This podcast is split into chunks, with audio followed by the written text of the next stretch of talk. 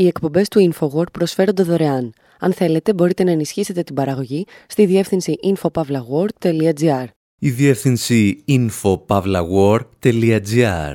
Η εκπομπή InfoWord με τον Άρη Χατζηστεφάνου.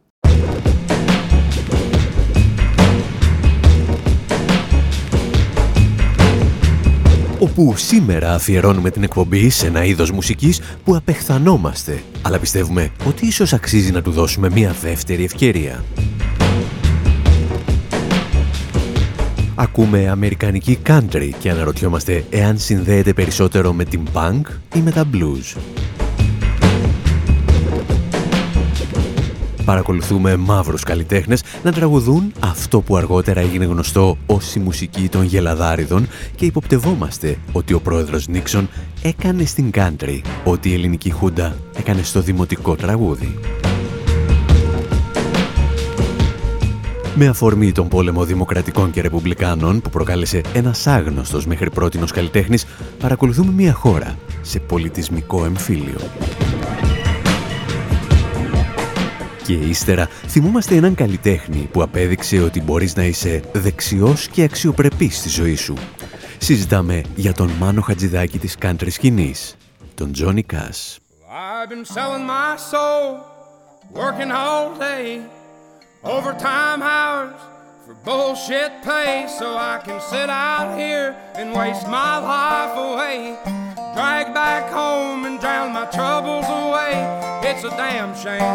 What the world's gotten to for people like me, people like you. Wish I could just wake up and it not be true, but it is.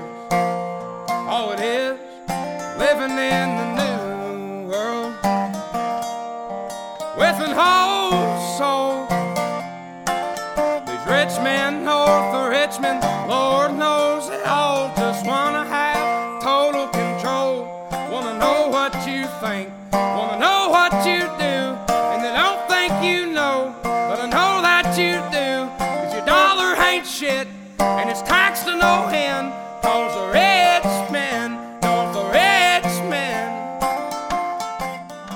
Το αδιάφορο κατά τη γνώμη μας τραγουδάκι που ακούτε προκάλεσε το 2023 έναν πολιτισμικό σεισμό στις Ηνωμένες Πολιτείες και συγκέντρωσε περισσότερα από 75 εκατομμύρια θεάσεις μόνο στο YouTube.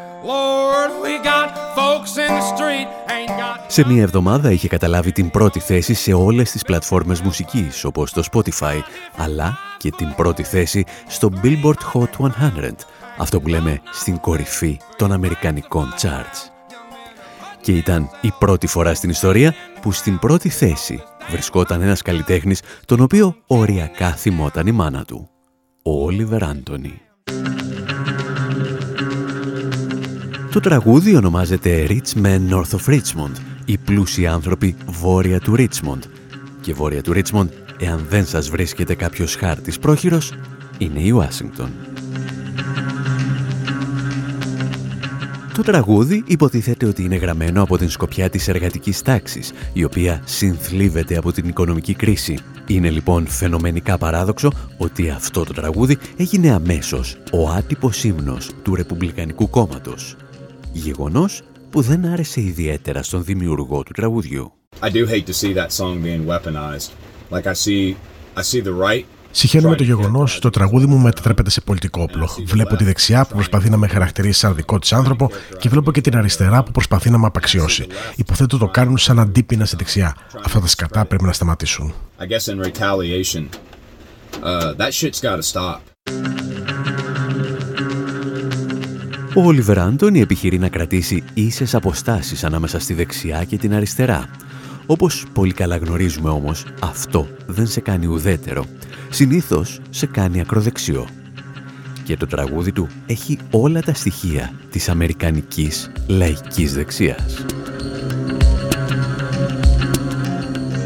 Καταρχήν καταδικάζει όλα τα κόμματα τα οποία όπως λέει αδιαφορούν για τους εργάτες οι οποίοι καλούνται να ζήσουν με ένα αποδυναμωμένο δολάριο και υψηλούς φόρους ενώ παράλληλα τους ξεζουμίζουν για να στήσουν το κράτος πρόνοιας.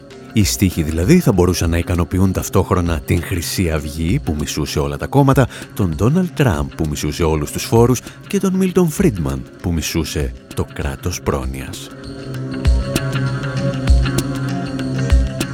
Ο Όλιβερ Άντωνη, βλέπετε, είναι εκείνη η περίπτωση του ανθρώπου που μπορεί να πιστεύει πραγματικά ότι τάσεται στο πλευρό της εργατικής τάξης, ενώ υιοθετεί την πιο ακραία νεοφιλελεύθερη αφήγηση της αστικής τάξης. Περισσότερα για αυτά όμως μπορείτε να διαβάσετε στη σελίδα μας infopavlawar.gr στο πολύ ενδιαφέρον κείμενο που μας έστειλε η Εύη Μπίρμπα. Γιατί εμείς σήμερα συζητάμε για country μουσική. Και θα θέσουμε ένα απλό ερώτημα. Είναι η country από το DNA της ένα είδος μουσικής που απευθύνεται στα πιο δεξιά και αντιδραστικά στοιχεία της αμερικανικής κοινωνίας, όπως λίγο πολύ πιστεύουμε όλοι μας; Θα θέλαμε γι' αυτό τη γνώμη του κυρίου που θα ακούσετε.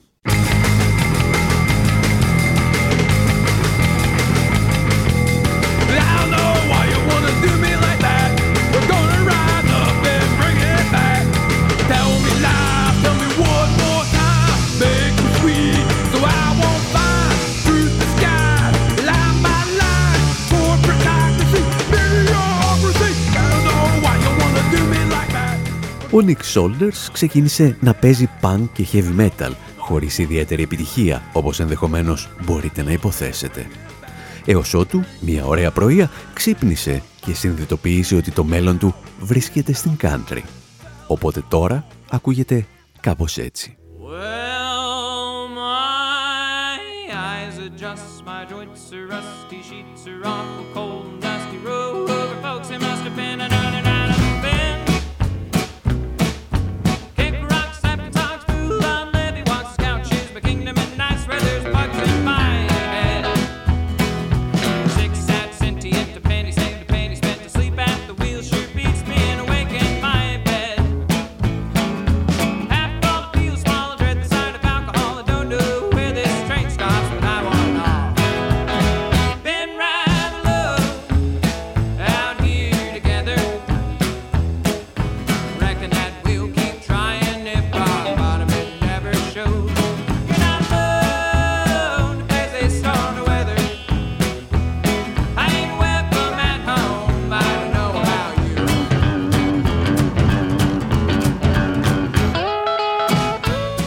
Ο Nick Shoulders προσπαθεί εδώ και χρόνια να εξηγήσει ότι η country δεν ανήκει δικαιωματικά στην Αμερικανική δεξιά και γενικότερα σε λευκούς θρησκευόμενους πολίτες που κυκλοφορούν με γιγαντιαία αγροτικά φορτηγάκια στους σκονισμένους δρόμους του Αμερικανικού Νότου. Ή τουλάχιστον δεν θα έπρεπε να ανήκει σε αυτούς. Γιατί, όπως λέει, οι ρίζες της country βρίσκονται πιο κοντά στα blues και συνεπώς πιο κοντά στη Δυτική Αφρική.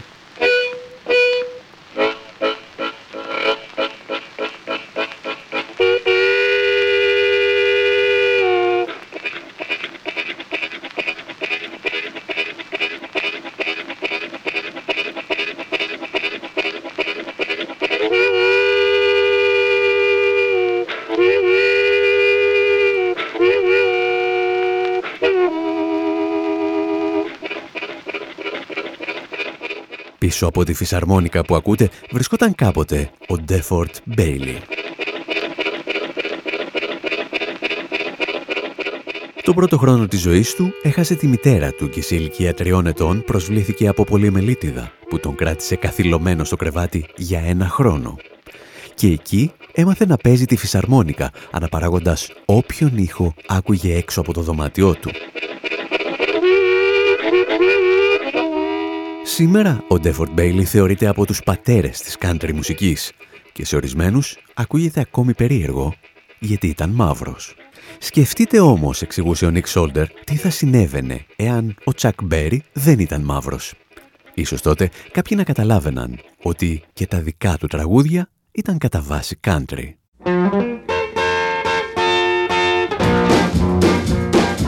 give you 30 days to get back home. I done called up a gypsy woman on the telephone. Gonna send out a worldwide hoodoo, that'll be the very thing that'll suit you. I'm gonna see that you be back home in 30 days. For 30 days. Oh! 30 days. Baby, I'ma see that you'll be back home in 30 days. Βασική παρανόηση βέβαια σχετικά με την καταγωγή της country μουσικής δεν είναι το χρώμα των καλλιτεχνών της, αλλά το πολιτικό της περιεχόμενο. Γιατί στα πρώτα της χρόνια η country δεν εξέφραζε τον συντηρητισμό της θρησκόληπτης δεξιάς. Όπως θα δούμε και στο δεύτερο μέρος εκπομπής, οι ήρωες των τραγουδιών ήταν συχνά ληστές τραπεζών, κατάδικοι και γενικότερα άνθρωποι που αμφισβητούσαν το status quo. Η country δηλαδή ήταν τα ρεμπέτικα, τα blues και η punk της εποχής της. I hear the train a coming, it's rolling around a bend, and I ain't seen the sunshine since I don't know when. I'm stuck in Folsom Prison, and time keeps dragging on. But that train keeps a rolling on down to San Antone. When I was just a baby, my mama told me, son, always be a good boy, don't ever play with guns. But I shot a man in Reno just to watch him die. Στην country μουσική όμως δεν ήταν μόνο οι στίχοι που αμφισβητούσαν την εκάστοτε εξουσία, αλλά και οι δημιουργοί της. Όπως ο περίφημος Χάρι Μακκλίντον, από τα πιο ενεργά μέλη των βιομηχανικών εργατών του κόσμου, ο οποίος συμμετείχε σε ορισμένες από τις πιο μαχητικές και αιματηρές απεργίες της γενιάς του. Γι' αυτό μάλλον τραγουδούσε ότι στη δική του ιδανική πολιτεία οι μπάτσοι είχαν ξύλινα πόδια και τα σκυλιά τους είχαν πλαστικά δόντια.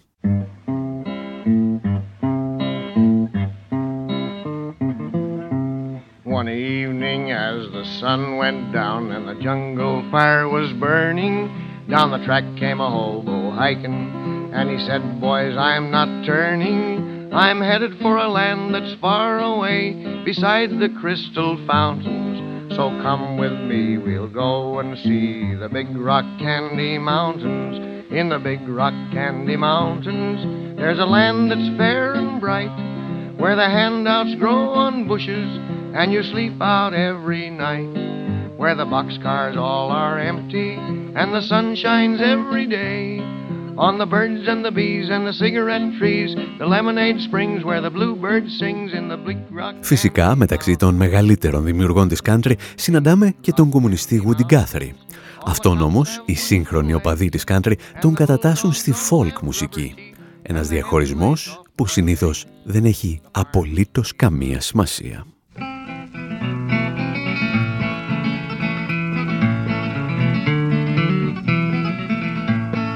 Back in 1927, I had a little farm and I called that heaven. Well, the price is up and the rain come down and I hauled my crops all into town. I got the money, bought clothes and groceries, fed the kids and raised the family. Πώς έφτασε λοιπόν με τέτοιο παρελθόν η country μουσική να συνδέεται σήμερα με τη συντηρητική και αντιδραστική κουλτούρα των Ρεπουμπλικάνων του Αμερικανικού Νότου. Η σύντομη απάντηση είναι όπως έφτασαν και τα δημοτικά τραγούδια στην Ελλάδα να συνδεθούν με τη Χούντα. Ήταν μια απόφαση που δεν ήρθε από τη βάση, αλλά από την κορυφή.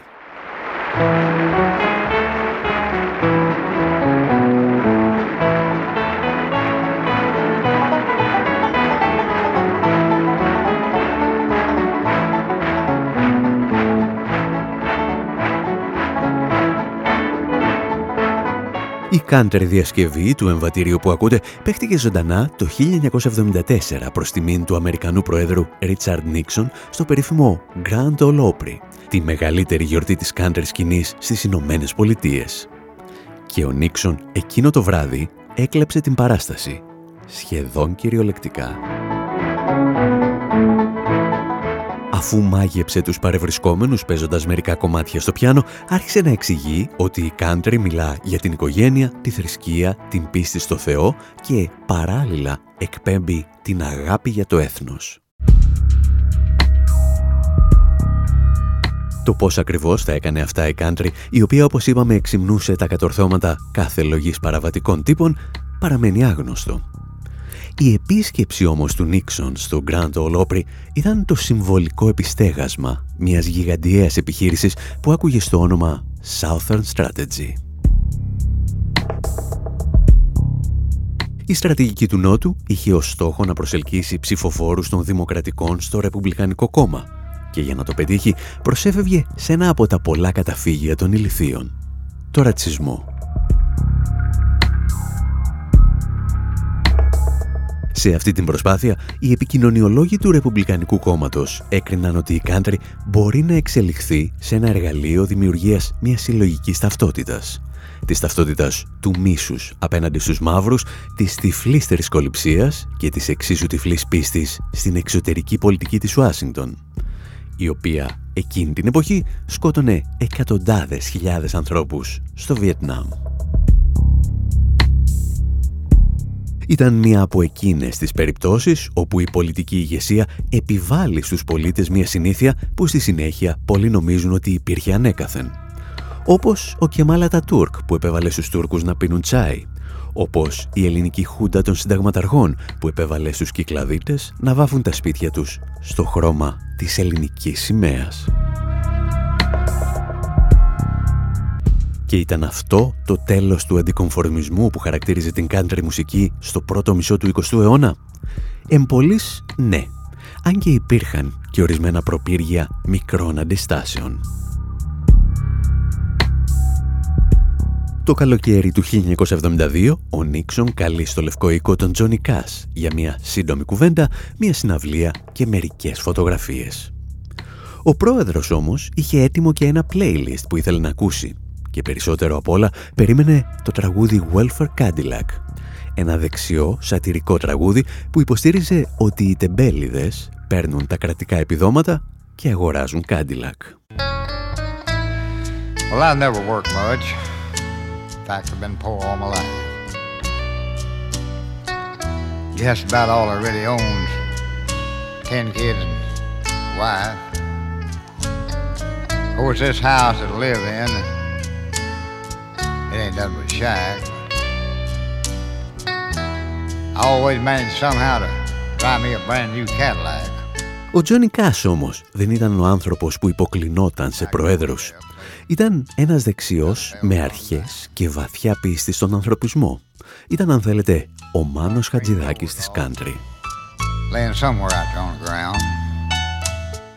Συγγνώμη κύριε Νίξον του είπε, αλλά έχω και δικά μου τραγούδια να παίξω και ξεκίνησε με το What is Truth, το τελευταίο κομμάτι που είχε γράψει για να καταδικάσει τον πόλεμο στο Βιετνάμ και να στηρίξει όσους διαδήλωναν εναντίον του.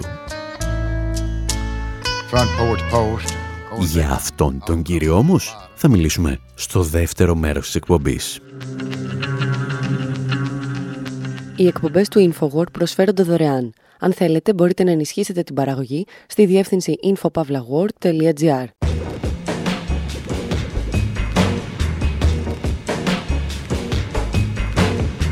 Εκπομπή Infowar, μέρος δεύτερο και τελευταίο. όπου αφιερώνουμε το δεύτερο αυτό ημίωρο σε έναν κύριο με μαύρα ρούχα, ο οποίος πήγε μία ημέρα φυλακή γιατί έκλεβε λουλούδια και άλλες πέντε διασήμαντον αφορμή. Έναν κύριο που τραγούδισε μαζί με τον Elvis Presley αλλά και με τους U2, με τον Louis Armstrong αλλά και με τον Joe Strummer από τους Clash. Συζητάμε για ένα παιδί της μεγάλης ύφεσης που του έλεγαν ότι είναι ροκ ή ακόμη και punk, ενώ αυτός επέμενε ότι δεν είναι τίποτα άλλο παρά country.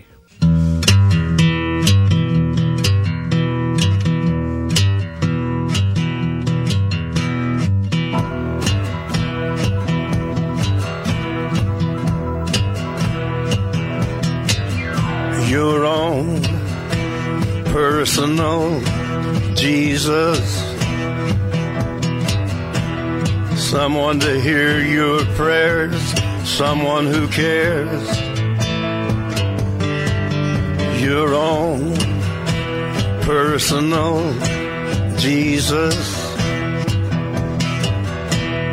Someone to hear your prayers, someone who's there.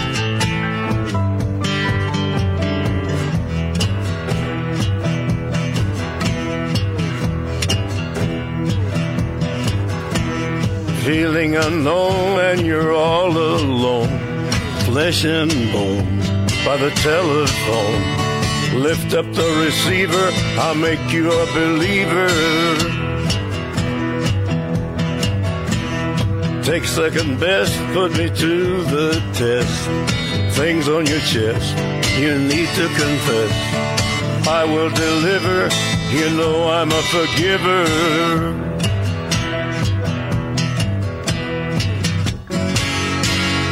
Reach out and touch faith. Θα αναγνωρίσατε πιθανότατα το Personal Jesus, ένα τραγούδι που έγραψαν πριν από 20 χρόνια οι Depeche Mode, έχοντας στο πίσω μέρος του κεφαλιού τους την Priscilla Presley και τον προσωπικό της Ιησού, τον Elvis Presley. Someone to hear your prayers, someone who cares. Ο κύριος που το τραγουδάει όμως, τι σχέση μπορεί να είχε με μια παρέα ηλεκτρονικής μουσικής από τη Βρετανία; Γιατί, εάν δεν καταλάβατε, είναι ο Τζόνι Κάς, η ψυχή της αμερικανικής country σκηνής. Ένας άνθρωπος που στα περισσότερα χρόνια της ζωής του ακουγόταν κάπως έτσι.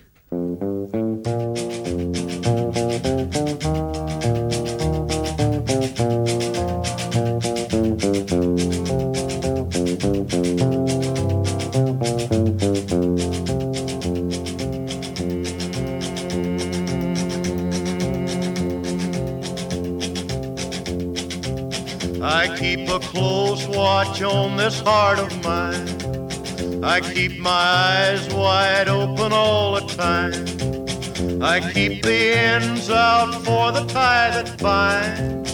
Because you're mine, I walk the line.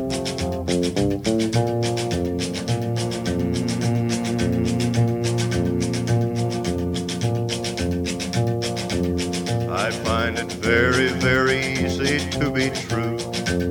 I find myself alone when each day's through. Yes, I'll admit that I'm a fool for you because you're mine. I walk the line. Ο άνθρωπος που τόλμησε να ενώσει την αμερικανική country με rock και ηλεκτρονικούς ήχους της Ευρώπης ήταν ο παραγωγός Rick Rubin, ο οποίος μέχρι τότε ασχολιόταν με κάτι πιο άγρια παιδιά. Άγρια παιδιά όπως οι Beastie Boys.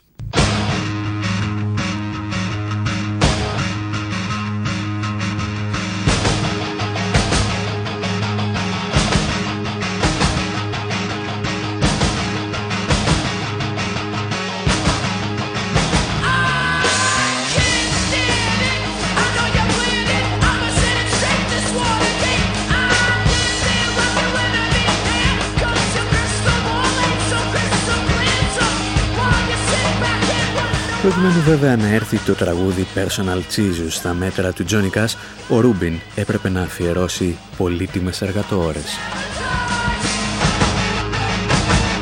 Για την ακρίβεια έπρεπε να φτύσει αίμα. Ανέθεσε λοιπόν το δύσκολο αυτό έργο στον κιθαρίστα των Red Hot Chili Peppers, ο οποίος του έδωσε μια πιο blues χρειά. Η σύζευξη είχε επιτευχθεί και πλέον ο Τζόνι Κάς θα μπορούσε να τραγουδήσει ό,τι ήθελε. Αν ήθελε να τραγουδήσει το One των U2 λόγου χάρη, θα το έκανε. Or do you feel the same? Will it make it easier on you now? You got someone to blame. You said one love one life when it's one need in the night. One love we get to share it. It leaves you baby if you don't care for it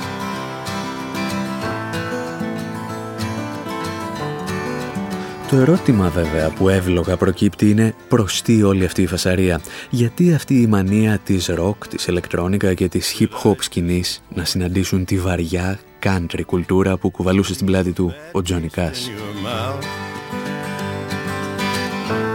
You act like you never had love And you want me to go without Τι ήταν εν ολίγης αυτό που έκανε την αληθινή ή την υποτιθέμενη αμφισβήτηση που κουβαλούσε η σύγχρονη ηλεκτρική κιθάρα να υποκλίνεται σε έναν άνθρωπο που εμφανισιακά παρέπεμπε σε γελαδάρι από το Τέξας;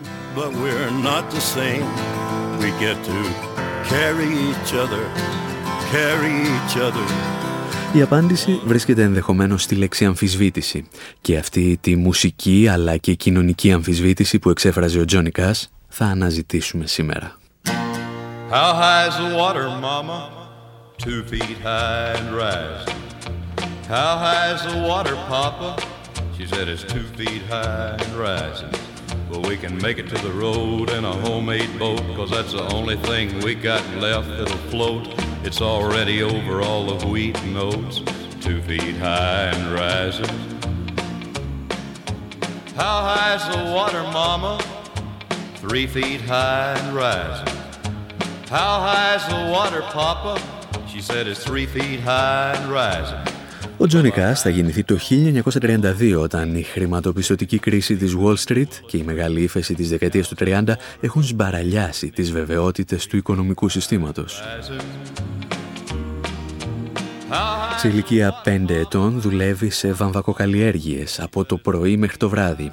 Ακούει γκόσπελ ύμνους και τραγουδάει στα χωράφια μαζί με τους απόκληρους του Αμερικανικού ονείρου.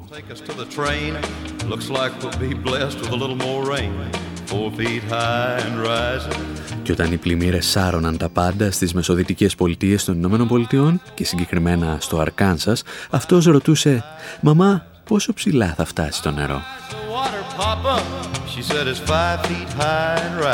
και εκείνη του απαντούσε 1,5 μέτρο και ανεβαίνει.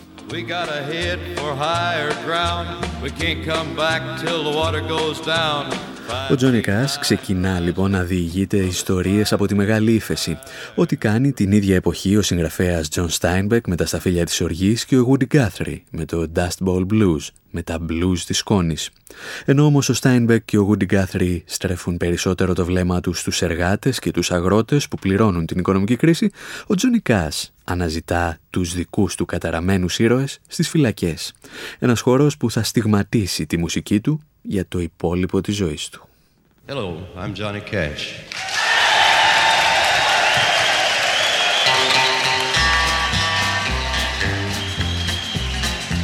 I hear the train a coming, it's rolling around a bend, and I ain't seen the sunshine since I don't know when.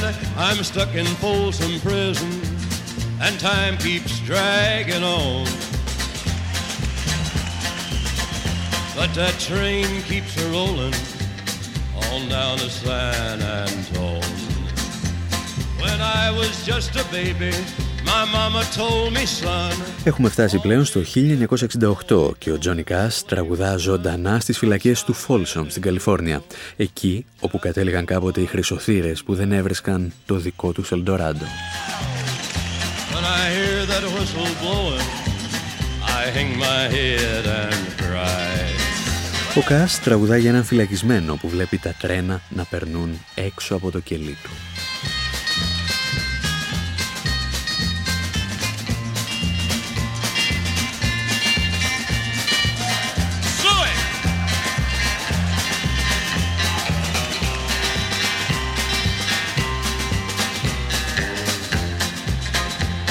I bet there's rich folks eating from a fancy dining car. Όταν ήμουν μικρός, λέει σε κάποιο σημείο, η μητέρα μου μου έλεγε να μην παίζω με τα όπλα, αλλά εγώ πήγα και σκότωσα έναν άνθρωπο μόνο για να τον δω να πεθαίνει. Ο ήρωας του Τζόνι Κάς συναντά τον ήρωα του Αλμπερ Καμί από τον ξένο. Τον ήρωα που σκοτώνει έναν Άραβα χωρίς κανένα απολύτως λόγο και κυρίως χωρίς να νιώσει καμία ενοχή.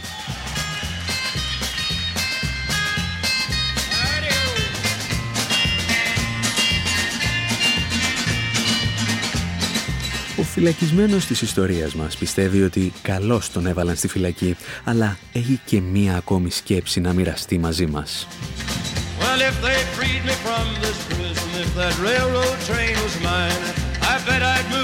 Ξέρω λέει ότι μέσα στο τρένο που περνάει είναι κάτι πλούσιοι που τρώνε καλά και καπνίζουν μεγάλα πουρα. Εγώ σίγουρα έπρεπε να είμαι στη φυλακή αλλά πιο πολύ με βασανίζει ότι αυτοί οι τύποι είναι ακόμη έξω.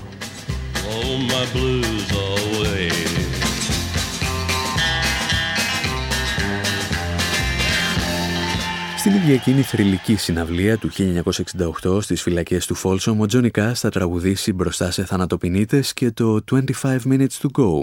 Τραγουδά για τα 25 τελευταία λεπτά ενός ανθρώπου πριν από την εκτέλεση.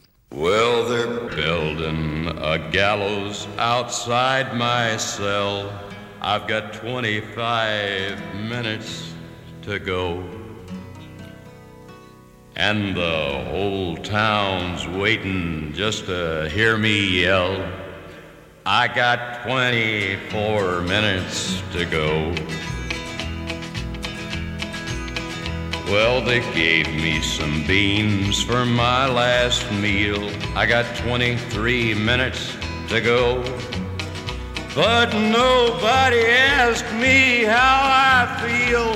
Είναι ίσως αυτή η αιμονή του Τζόνι Κάς με τις φυλακές και με τους θανατοπινίτες που θα πείσει τον Νίκ Κέιβ αρκετά χρόνια αργότερα να του εμπιστευτεί ένα από τα αριστουργήματά του για το θάνατο στην ηλεκτρική καρέκλα, το Mercy Seat. Τον ακούμε και επιστρέφουμε. It all began when they took me from my home and put me on death row. A crime for which I'm totally innocent, you know. I began to warm and chill to objects and their fields. A ragged cup, a twisted mop, the face of Jesus in my soup. Those sinister dinner deals, the meal trolley's wicked wheels, a hook bone rising from my food, and all things either good or ungood. And the mercy seat is waiting, and I think my head is burning, and in a way I'm yearning to be done with all this weighing of the truth. An eye for an eye and a tooth for a tooth, and anyway I told the truth, and I'm not afraid to die.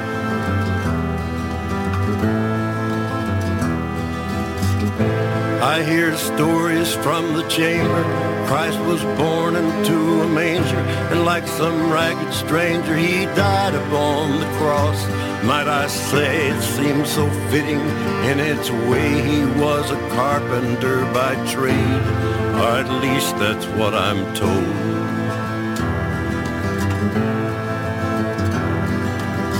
My kill hands tattooed evil across its brother's fist. That filthy five, they did nothing to challenge or resist. In heaven his throne is made... Από τα πρώτα χρόνια της καριέρας του ο Τζόνι Κάς ντύνεται στα μαύρα. Παράλληλα, οικοδομεί το προφίλ της παραβατικότητας και το πληρώνει αρκετά συχνά. Συλλαμβάνεται τουλάχιστον έξι φορές από την αστυνομία, συνήθως για μικροπαραπτώματα, όπως ότι μπήκε σε ένα ξένο χωράφι για να μαζέψει λουλούδια.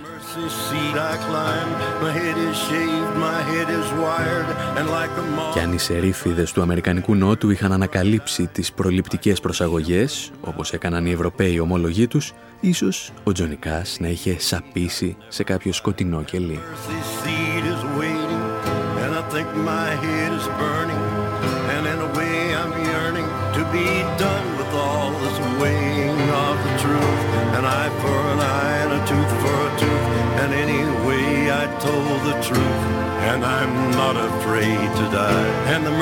Αυτή η μικροπαραβατικότητα λοιπόν ταιριάζει απόλυτα στον άνθρωπο με τα μαύρα.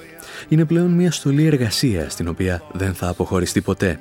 Και όταν τον ρώταγες γιατί δεν βάζει και κάτι πιο φωτεινό, είχε πάντα μια απάντηση να σου δώσει.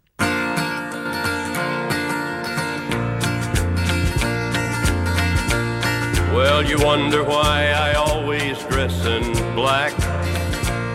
Why you never see bright colors on my back.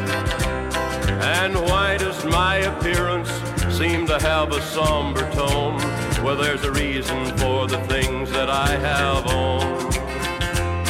I wear the black for the poor and the beaten down.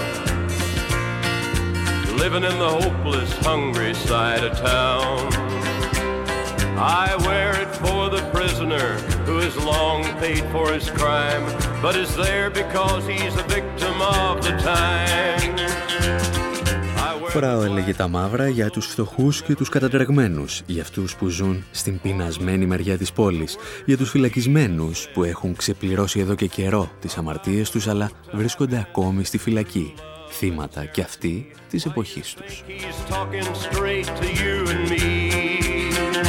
Well, we're doing mighty fine, I do suppose. In our streak of lightning cars and fancy clothes. But just so we're reminded of the ones who are held back Ο Τζόνι Κάς σε όλη του τη ζωή δηλώνει πιστός χριστιανός. Ο αντικομφορμισμός του όμως εξοργίζει τους επαγγελματίες χριστιανούς του Αμερικανικού Νότου. Όταν μάλιστα αρχίζει να τραγουδά για το Βιετνάμ και για τη σφαγή των Ινδιάνων, τα τραγούδια του μπαίνουν σε μαύρη λίστα σε εκατοντάδες ραδιοφωνικούς σταθμούς.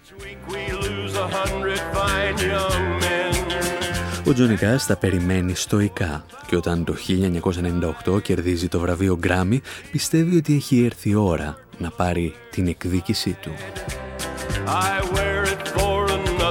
Νοικιάζει διαφημιστικό χώρο και τυπώνει γιγαντοαφίσες με μια φωτογραφία του στην οποία υψώνει το μεσαίο δάχτυλο του δεξιού χεριού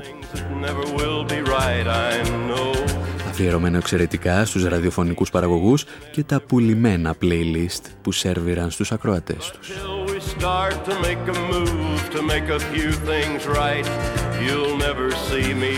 Και φυσικά με τέτοια συμπεριφορά δεν θα μπορούσε να μην συγκινήσει και την punk σκηνή της Μεγάλης Βρετανίας. Μπορεί εκεί να σηκώνουν δύο δάχτυλα αντί για το μεσαίο, αλλά όλοι ξέρουν τι εννοούν.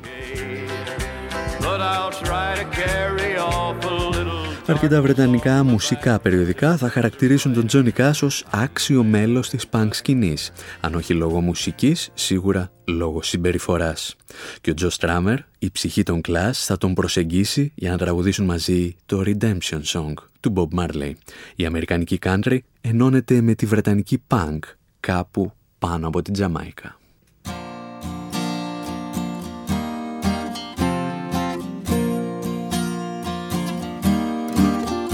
Old pirates, yes, they rob I, sold I to the merchant ship. Minutes after they took I from the bottomless pit. But my hand was made strong by the hand of the Almighty. We forward in this generation triumphantly. Won't you help to sing these songs of freedom? Cause all I ever had Ο Τζόνι Κάς πειραματιζόταν συχνά με νεαρούς μουσικούς.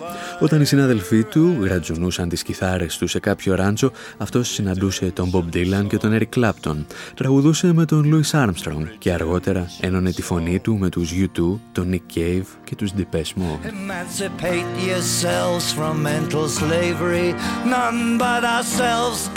Κανένας δεν τον είπε προοδευτικό. Ελάχιστοι όμως θα τολμούσαν να αμφισβητήσουν την παράδοση και τις αξίες της κοινωνίας, όπως το έκανε ο Τζόνι Κάς.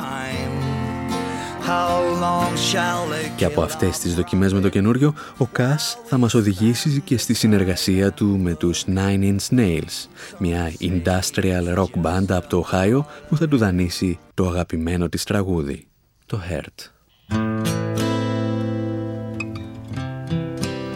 Κάπου εδώ όμως θα σας αφήσουμε. Γεια σας και χαρά σας.